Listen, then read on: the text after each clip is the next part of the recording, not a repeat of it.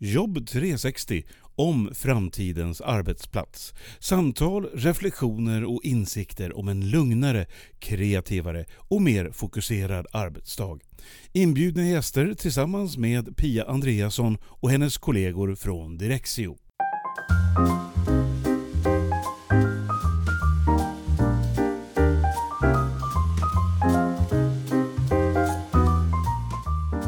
När jag är ute och håller mina kurser så pratar deltagarna ofta om hur de blir störda. Att det händer saker hela tiden, att människor pratar runt omkring dem, telefonen ringer, det kommer mejl och så vidare. Så jag har funderat en hel del på det här med vad det är som gör att vi blir störda. Och jag har förstått att det handlar en hel del om hur hjärnan fungerar. Att vi har svårt att stänga ute distraktioner och störningar och att eh, kontorsmiljön ibland blir alldeles för påfrestande för vår stackars hjärna som hela tiden är utsatt för alla möjliga intryck. Därför ska jag nu iväg och träffa Thomas Dahlström för han vet väldigt mycket om det här och han säger till och med att din hjärna från 2008 är bättre än den du har idag. Och han har väldigt många bra råd om hur man kan utforma kontorsmiljöer och vad även du själv kan tänka på för att undvika att bli störd under din arbetsdag.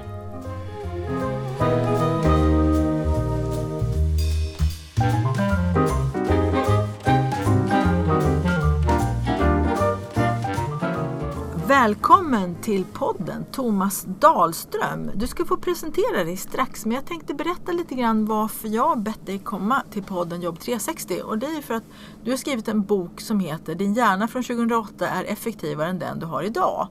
Och sen handlar den boken också om hur man kan hjälpa sin hjärna att jobba mer effektivt och må bättre. Så det är det vi ska prata mycket om idag. Du ska få berätta först, tänker jag, hur kom du in på det här spåret om det här med hjärnan och varför den är så viktig och hur den funkar och så, för du kan ju väldigt mycket om det. Vad var det som fick dig på spåret där? Var kommer du ifrån från början och hur landade du i hjärnan? Ska ja, man säga?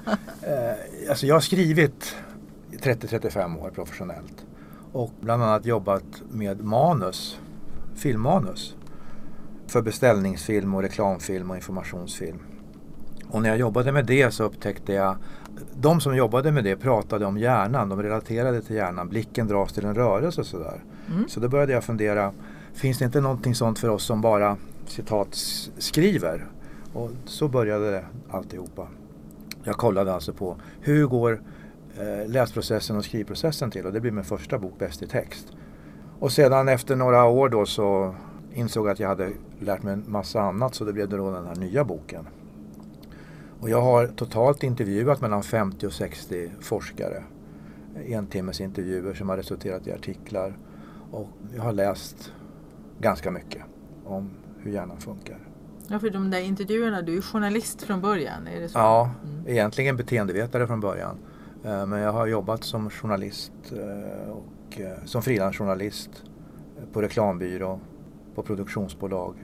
Ja, och nu är det gärna för hela slanten. Nu är det gärna, och gärna för hela slanten i flera år nu. Ja, precis. Det här med hjärnan, jag tar ju upp också mycket med den och hur den funkar i mina kurser i medvetet arbetssätt. Mm. Just för att eh, hjärnan är ju som den är och den påverkar oss mer än vad vi kanske begriper. Mm. Jag tänkte, kan du berätta lite kort om hjärnan, hur är den uppbyggd, hur funkar den och vad, vad är det som sker inuti huvudet hela tiden på, på daglig basis? Ja, när, jag, när jag bestämde mig för att skriva den nya boken så bestämde jag för att skriva någonting som förklarade varför vi blir störda till exempel när vi sitter och jobbar med någonting som kräver koncentration. Så jag bestämde mig för att skapa en modell och eh, jag tänkte att innan jag skriver den här boken så måste jag ha en modell. För den första dispositionen jag gjorde den såg ut som alla andra böcker jag hade läst. Jag fick inte den där aha-upplevelsen. Så då skapade jag en modell lite kort bara så kan jag säga att den, den, den innehåller flera nivåer då. Så då, det vi gör, läser, skriver, lär oss och är kreativa, det finns längst ner. Och sen på nivå två återkommer jag till då på nivå tre så finns multitasking till exempel, att sitta i ett öppet kontor när vi ska jobba med någon koncentrationskrävande. Om jag då håller på och multitaskar så kommer jag till nivå två och det är åtta olika delar i hjärnan. De påverkas då negativt och resultatet av det jag gör blir negativt. Och multitasking det är ju alltså när vi sitter och håller på med någonting och så försöker vi göra något annat samtidigt. Det som man har provat kanske någon gång och insett att det funkar ju inte alls det är att man försöker skriva ett mail samtidigt som man pratar i telefon. Ja, just det. Det, det gör jag själv inte för jag har märkt att det funkar ju inte alls. Nej. Utan pratar jag i telefon så måste jag koncentrera mig på telefonsamtalet. Ja, Och jag kan inte ens läsa en text samtidigt. nej.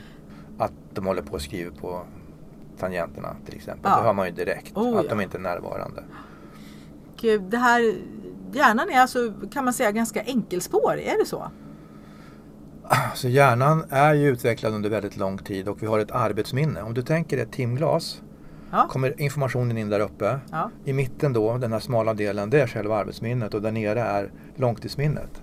Och det här arbetsminnet, det rymmer 7 plus minus 2 enheter säger man.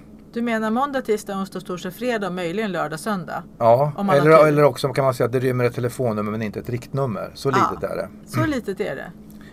Och det är i det här lilla arbetsminnet allt det medvetna tänkandet sker. Så när du skriver till exempel eller tänker, då hör du en inre röst, den finns där. Eh, Och det här arbetsminnet kan bara göra en sak i taget och det fylls ständigt på med ny information. Och, din, och sen raderas det hela tiden. Så det innebär att du kan hålla informationen online några sekunder, sen måste du uppdatera den genom att repetera den hela tiden.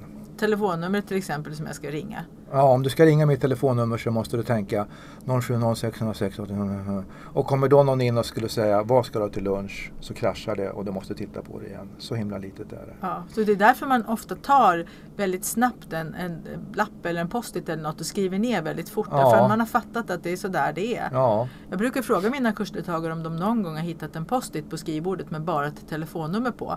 Mm. Då brukar de skratta allihopa. Mm. Och, och sen så frågar jag var det någon då som vågade ringa det numret och kolla vad det var för något. Och det har ju ingen då räckt upp handen på. Utan man har konstaterat det här som du säger att för att man ska få ner det snabbt så får man hugga det när det kommer. ja, eller man måste repetera det hela tiden tills man har knappat in sista siffran. Ja, just det. Så arbetsminnet är alltså en begränsning som vi har när vi ska jobba. Att det är väldigt kort och att vi måste vara kanske lite varsamma med det och inte försöka trycka in hur mycket som helst genom den där timglasmidjan där Ja. i mitten. Det gör vi då genom att välja att jobba i ett eh, tyst rum till exempel. Eh, eller att sitta i ett rum som inte har glasväggar så att vi hela tiden ser vem som kommer förbi. För då är det det som åker in i arbetsminnet. Ja, för att det här, vad som stör. Det första som stör är ju de här plötsliga ljud som man inte har kunnat förutse och rörelser då som, Mm. som är oväntade. Och var, var någonstans i hjärnan hör de hemma, de här eh, de störningarna? Arbetsminnet ingår i hjärnans eh, kontrollsystem kan man säga. Så om du känner att det luktar brandrök till exempel. Då, då kommer den här doften smygande och sen så åker den in genom näsan. Och sen finns den direkt i ditt arbetsminne, i ditt, i ditt medvetande. Och då kan du reagera, eller då reagerar du på det och tar reda på vad det är som har hänt för någonting. Det var bara en brödrost som stod där och brände någonting. Är det samma om det kommer ett plötsligt ljud, om det smäller till utanför fönstret till exempel? Då, då behöver jag Ja, det är exakt samma kolla, sak. Ja, kolla vad som har ja. hänt innan, innan jag sen kan koncentrera mig igen. Ja. Och så är det när du jobbar i, i ett öppet kontor. Alltså hör du en röst som talar, då sjunker din arbetskapacitet med en gång. Om man hör en röst och liksom kan börja uppfatta vad den något ord här och där och så vidare vad de pratar om eller tonfallet eller så. Det är då Ja, man- alltså det, det är så finurligt. Hjärnan har utvecklats så att den reagerar redan innan du hör vad någon säger. Alltså den reagerar på tonfallet för att ge dig lite extra tid till att lubba iväg eller Om någon låter arg så ska Ja, jag kunna det. få eh, någon sekund till och kuta. Just det. Ja. Och från början handlade det om att vi gick omkring på savannen typ. Ett djur som lät eller vad det nu var för någonting. Och exakt samma funktion har hjärnan idag. Den ska varna oss för det här. Mm. Så när vi ser att en dörr öppnas när vi sitter i ett öppet kontor så ser vi att en dörr öppnas. Då är blicken där med en gång. Därför hjärnan ska rädda livet på oss Ja, och det är, först, det är först i fas två du ser att jaha, det var bara Bettan som kom ut genom Mm. den där dörren. Så det primära är att du ser att det är en fara och sen så kan du konstatera att det var inte så farligt. Vilket det sällan då är förstås i ett kontorslandskap. Men hjärnan är där ändå hela tiden. Ja, det här har jag fullt sjå att förklara för mina kursdeltagare för att de vill ju gärna ha de här aviseringarna på som finns i mejlprogrammet vanligtvis. Och det brukar bestå, eh, i det värsta så består det av ett ljud Mm. Eh, och det kan man ju då justera genom att stänga av ljudet på datorn. Eh, sen finns det också en annan avisering, man kan ju alla på samtidigt förstås, Mm. som består i att det dyker upp ett litet kuvert som slinker just upp nere i, till höger på skärmen.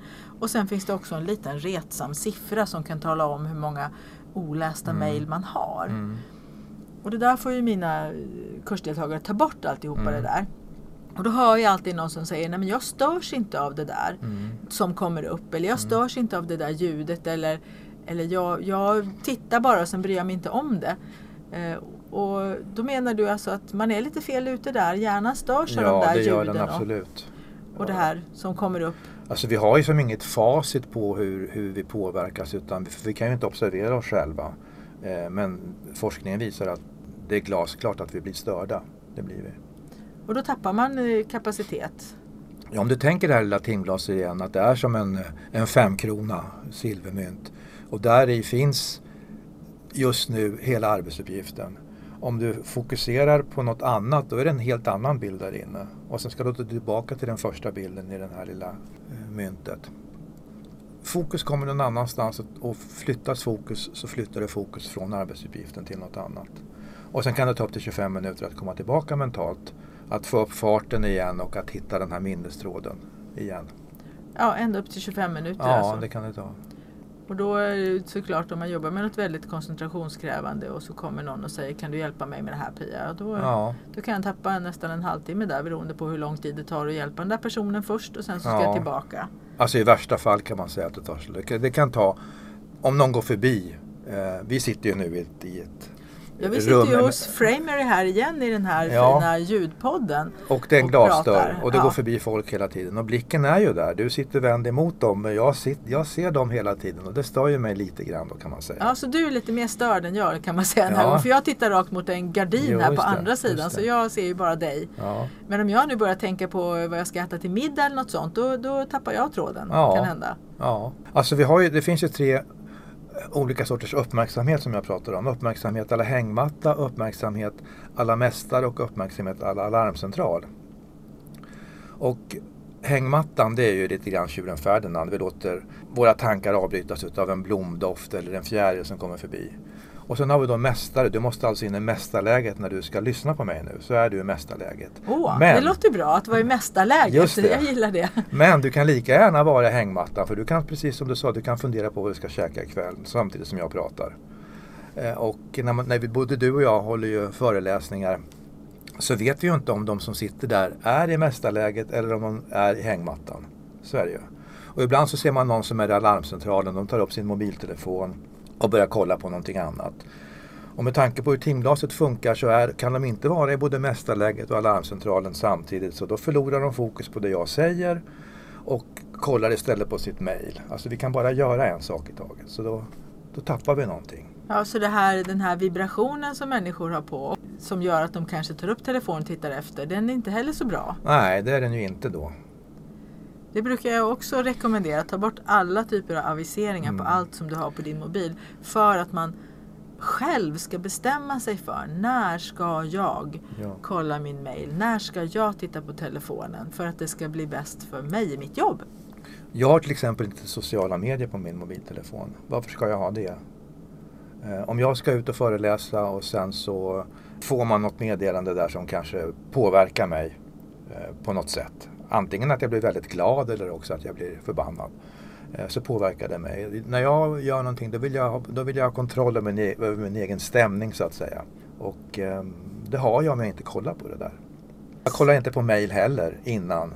Utan om jag då säger att om ni vill någonting skicka ett sms till dem jag är på väg då. Va? Så eh, då har jag kontroll över min egen tillvaro och är mycket, mycket effektivare. Ja, jag har samma rutin. Därför att när man ska utbilda eller ha en föreläsning och så, då är man ju verkligen, tycker jag, skyldig de som lyssnar och de som har satt av sin tid för att Mm. lyssna på mig och lära av mig, att vara precis där och då och Ja. göra mitt allra bästa för dem. Ja.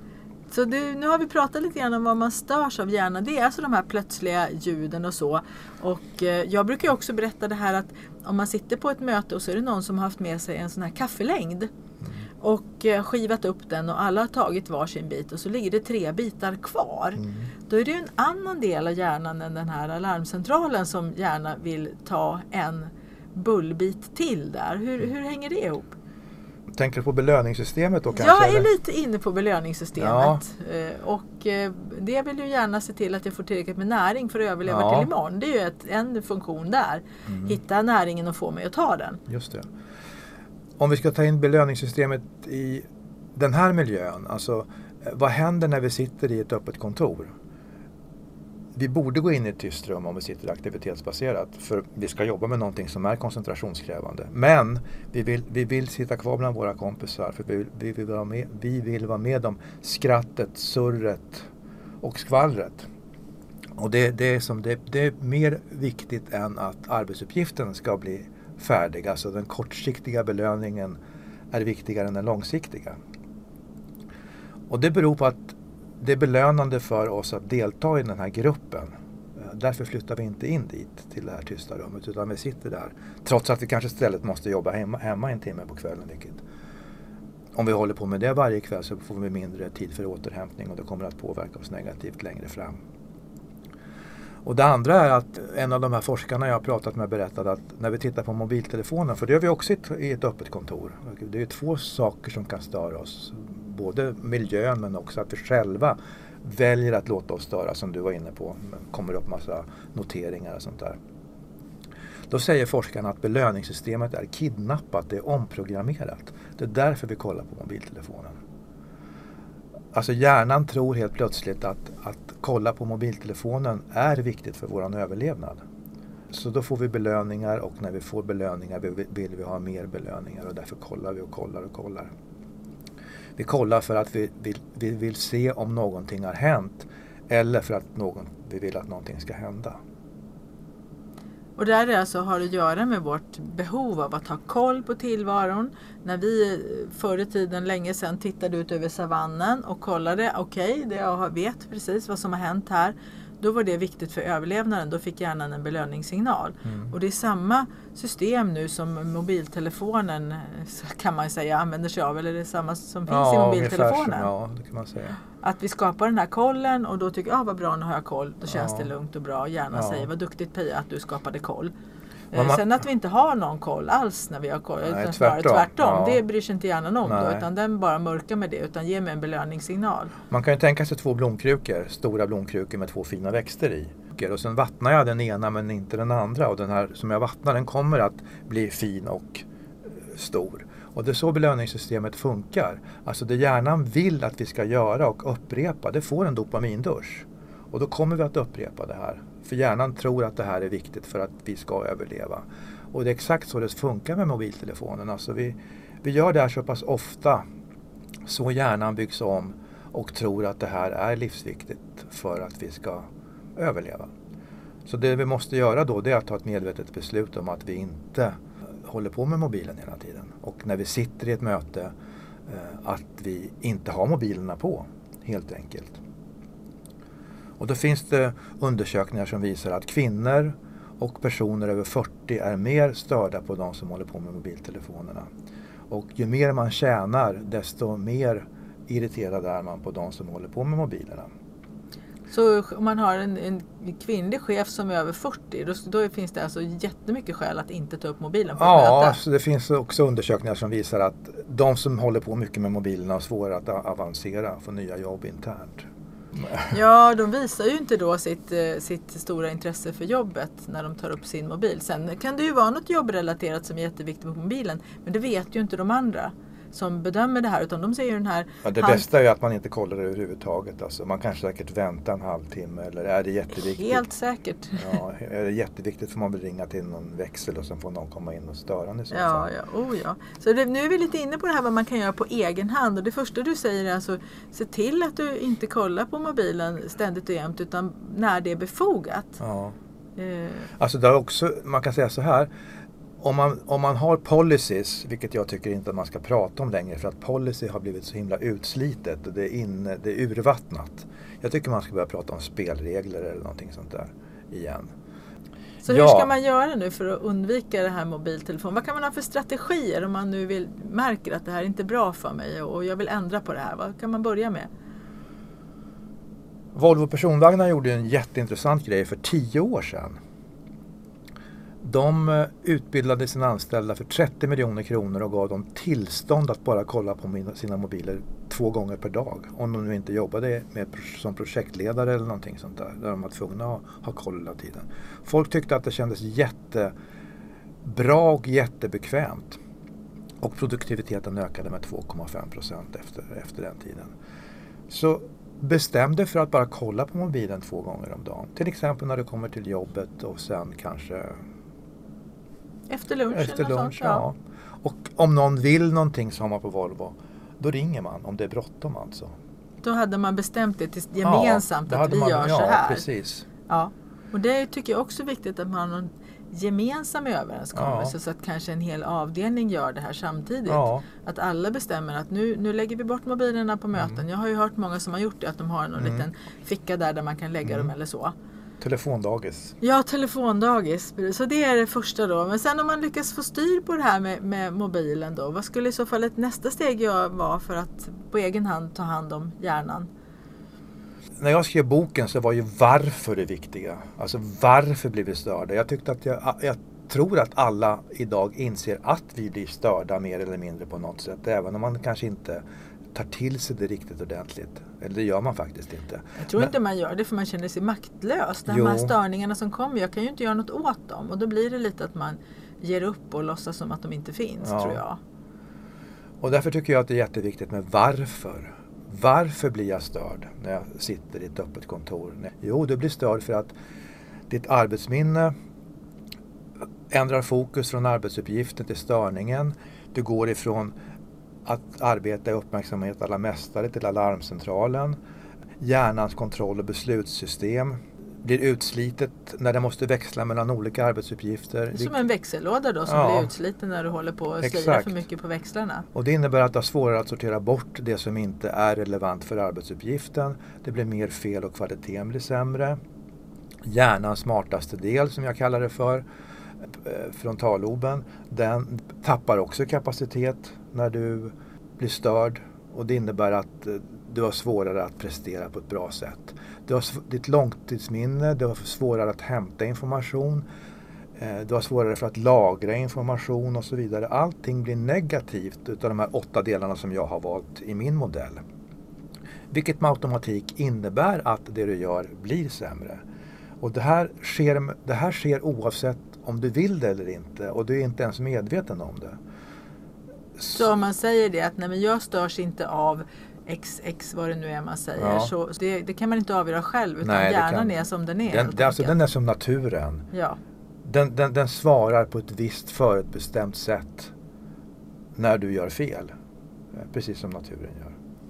Eh, Så då, då funkar det helt enkelt sämre. Så du tänker att om man börjar ta till sig det här och förstå att man påverkas så negativt av de här störningarna. Då blir man också motiverad att försöka se vad, är, vad består de av och hur kan Ja. jag avbrottssäkra min dag brukar jag prata om. Vad, vad är det avbrotten sker av? Just det. Och hur kan jag styra undan det på något sätt? Men om du tänker så här att multitasking kan minska produktiviteten med upp till 40 procent. 40 procent, det är ganska mycket. Om du skriver ett enkelt sms om någonting du känner till och samtidigt har en röst i närheten så sk- minskar produktiviteten med 2-4 procent. Vid det här tillfället så hämtar du allting från ditt arbetsminne. Det kan vara typ, eh, kom ihåg att du ska köpa mjölk innan du kommer hem. Så enkelt alltså. Då minskar det 2-4 Och så procent. kommer någon och pratar med mig. Då skriver jag, kom ihåg att du ska köpa fil. Och Ja. så blir det tokigt när jag kommer ja, hem just sen. det. Ja, ungefär. Då blir det eller, det, det, litet- det, eller det tar längre tid helt enkelt. Det tar längre tid, men det kan också bli fel. Om du ska skriva en text där du har text framför dig. Du har varit på ett möte och har gjort mötesanteckningar och sen så ska du kombinera det med den kunskap du har i ditt långtidsminne om den bransch du jobbar i. Så minskar produktiviteten tvåsiffrigt om du hör någon som pratar i närheten. Om du ska skriva en text där du har två ord som är typiska för din bransch och sen ska du skriva ett pressmeddelande och sen ska du in de här två orden den här korta texten. Då minskar produktiviteten med 7 procent. Det här är bara exempel på när vi ska skriva. Det här gäller ju allting som kräver koncentration och eh, där vi ska vara kreativa och lära oss och allt sånt minskar det. Det finns också forskning som visar att produktiviteten minskar med upp till 66 procent om vi sitter i en miljö där störningarna är frekventa. Och det är helt oerhört. Ja, det är ju verkligen att missbruka anställda som man har anställt för att Ja, jobba bra och så ger man dem inte förutsättningar att kunna Nej. göra det. Och inte ens kanske kunskap om hur, vad de själva kan göra. nej. Och vänder du på det här så är det här en vinst för företaget. Ja, du skulle bli förvånad när du, om du fick veta hur många utav alla mina kursdeltagare som inte hade en aning om att man kunde stänga av de här aviseringarna i mejlen. Som tycker att det är helt fantastiskt. Mm. Som på kursdag två säger att det här var det bästa som har hänt på länge. Det var det bästa du lärde ut på hela kursdagen förra gången Ja. Pia säger de. Det var det här att stänga av de här Ja. inkommande aviseringarna. För nu är det så bra. Nu kollar jag mejlen när jag själv vill och jag känner att jag har bättre koll Ja. och, och jag blir lugnare. Bara den lilla saken. Ja. Så det, det finns mycket att lära sig här verkligen. Ja, och, och det finns också de som visar att det är lättare att förändra sitt eget beteende. Alltså att du berättade om nu. Än att förändra beteendet i det öppna kontoret. Eh, Det är mycket, mycket svårare. Ja, då handlar det om en arbetskultur och många Ja. människor. Man kanske har en kultur sedan många, många år tillbaka där man Du Thomas, jag har, har du fem minuter? Kan du hjälpa Ja. mig? Och det är så vi gör här, har jag ibland. Vi ska hjälpas åt och man ska alltid kunna komma och fråga. Ja. Och det jag hör då som har varit i den här branschen längre och utbildat det är att jag hör att de säger Vi har en överenskommelse att vi får störa varandra hela tiden Ja. oavsett eh, vad det handlar om. Och det är också någonting man borde tänka på. Eh, Det finns en forskare som heter Rock, David Rock tror jag han heter. Han har ju sagt att bara du kan ägna två timmar i veckan, tror jag det är, alltså det är några timmar i veckan, åt ostört arbete så är det en oerhörd eh, som boost på din produktivitet. Avsätt två timmar eller tre timmar där du jobbar helt ostört. Kan man göra det, kan, då kanske man kan ha, om man har de där två, tre timmarna och säkrar upp dem varje dag, då kanske man kan köra alla hängmattor resten av dagen och det märks inte för man får ändå gjort det man ska. Nej, men om det är hängmattan, då, du måste vara i, i mästaren. Om det är hängmattan, då är du en dagdrömmare kan man säga. Så det är inte bra att vara. Nej, jag menar om man är i mästarläget i tre Mm. timmar om dagen Mm. så kanske man inte behöver jobba så hårt de andra timmarna för då får man det gjort som man behöver Ja, på de timmarna i Kanske. bästa av världar. Ja, inte så säkert. När det handlar om framtidens kontor då, utformningen där. Vi har pratat mycket om det här med, med öppna kontorslösningar, aktivitetsbaserat, eller rättare sagt vi har varit inne lite på det. Vad skulle du vilja skicka med de personer då som utformar framtidens kontor? Har du några korta punkter här som du säger, tänk på det här för all del? Alltså det är mycket som har förvånat mig när jag har skrivit boken. Men en sak som har förvånat mig väldigt mycket det är att man tror att alla ska kunna prestera lika mycket i ett öppet kontor. Oavsett om man är extrovert, introvert, äldre har svårare för att sortera bort ljuden än yngre. Och eh, pers- personer med olika typer av funktionsnedsättningar har ju också problem med det här. Du menar att man riggar miljöer som är ganska lika och tänker det här funkar för alla Ja, och sen så gör har man inte det. tänkt på någon egentligen.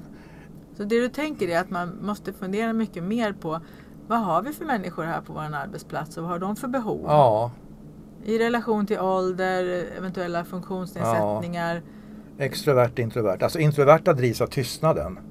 Det är viktigt att komma ihåg. Medan eh, de som är extroverta drivs av det sociala.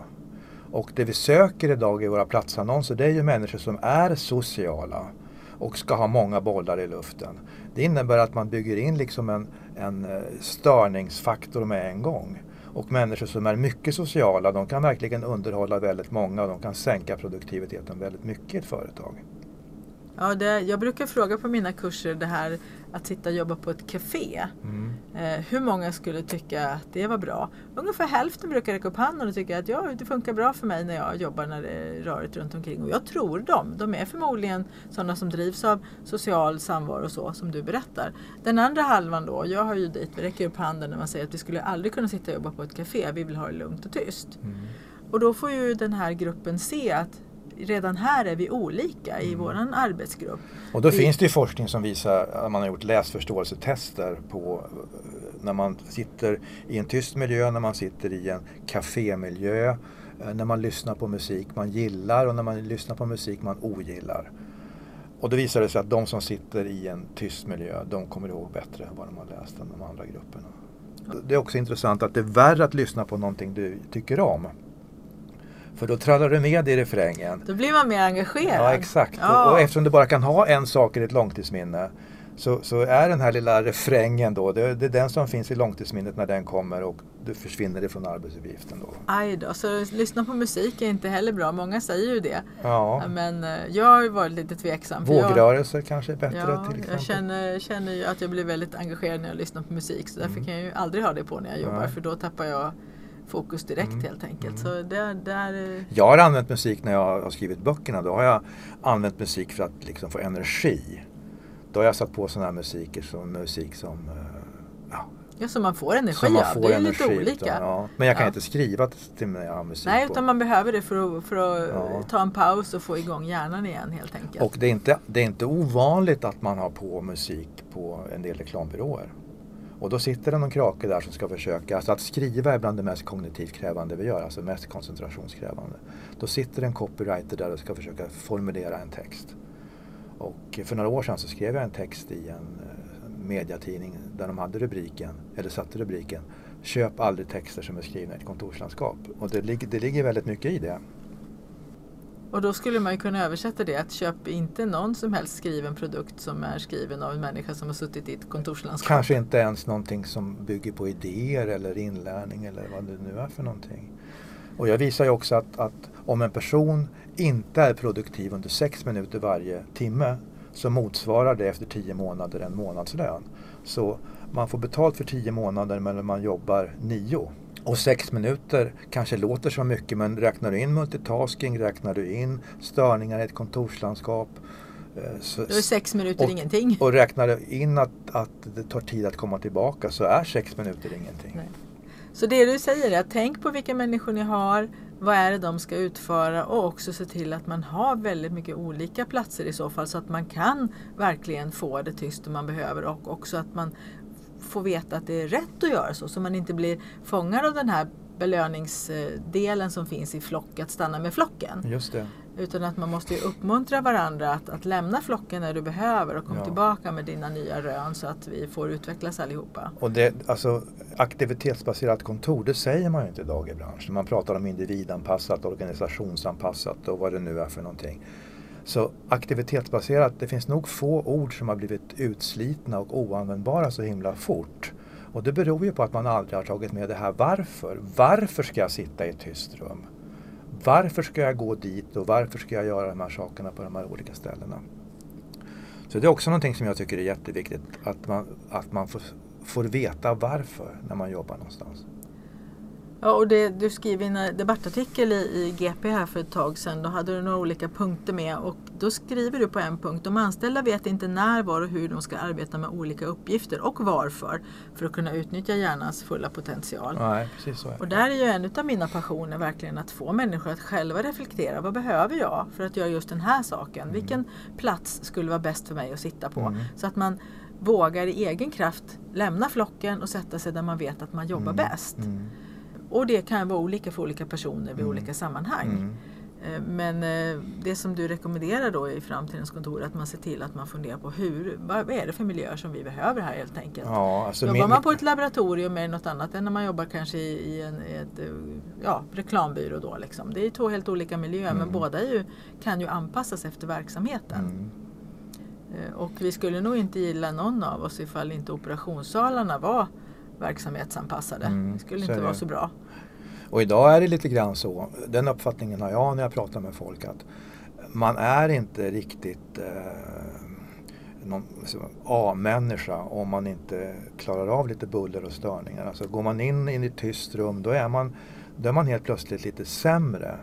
Och eh, jag har också pratat med flera personer som, som pratar om att cheferna, det tycker jag också är ett jättestort problem, att cheferna kallar de som säger att de inte kan jobba i ett öppet kontor för bakåtsträvare.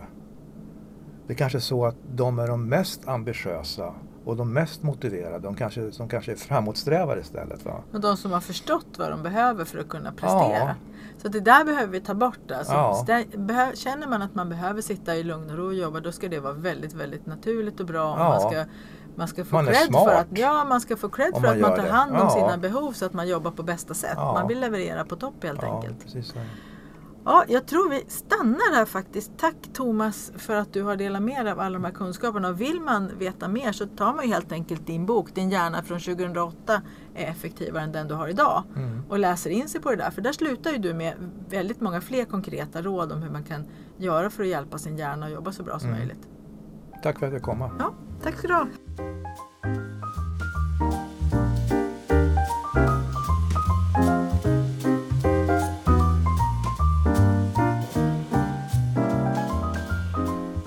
Då hoppas jag att du har fått väldigt många bra tips om hur du kan ta hand om din hjärna, hur du kan undvika att multitaska och även om vad man behöver tänka på när man utformar framtidens kontorsmiljöer. Att det är väldigt noga att tänka på vilka är det som ska jobba där och vad har de för behov? Och hur ser vi till att både de introverta och extroverta får det de behöver för att kunna prestera effektivt? Och vill du veta mer så kan du ju ta och titta i Thomas bok Din hjärna från 2008 är effektivare än den du har idag. För där avslutar han boken med väldigt många fler bra tips om vad du kan tänka på. Så ta hand om din hjärna varje dag.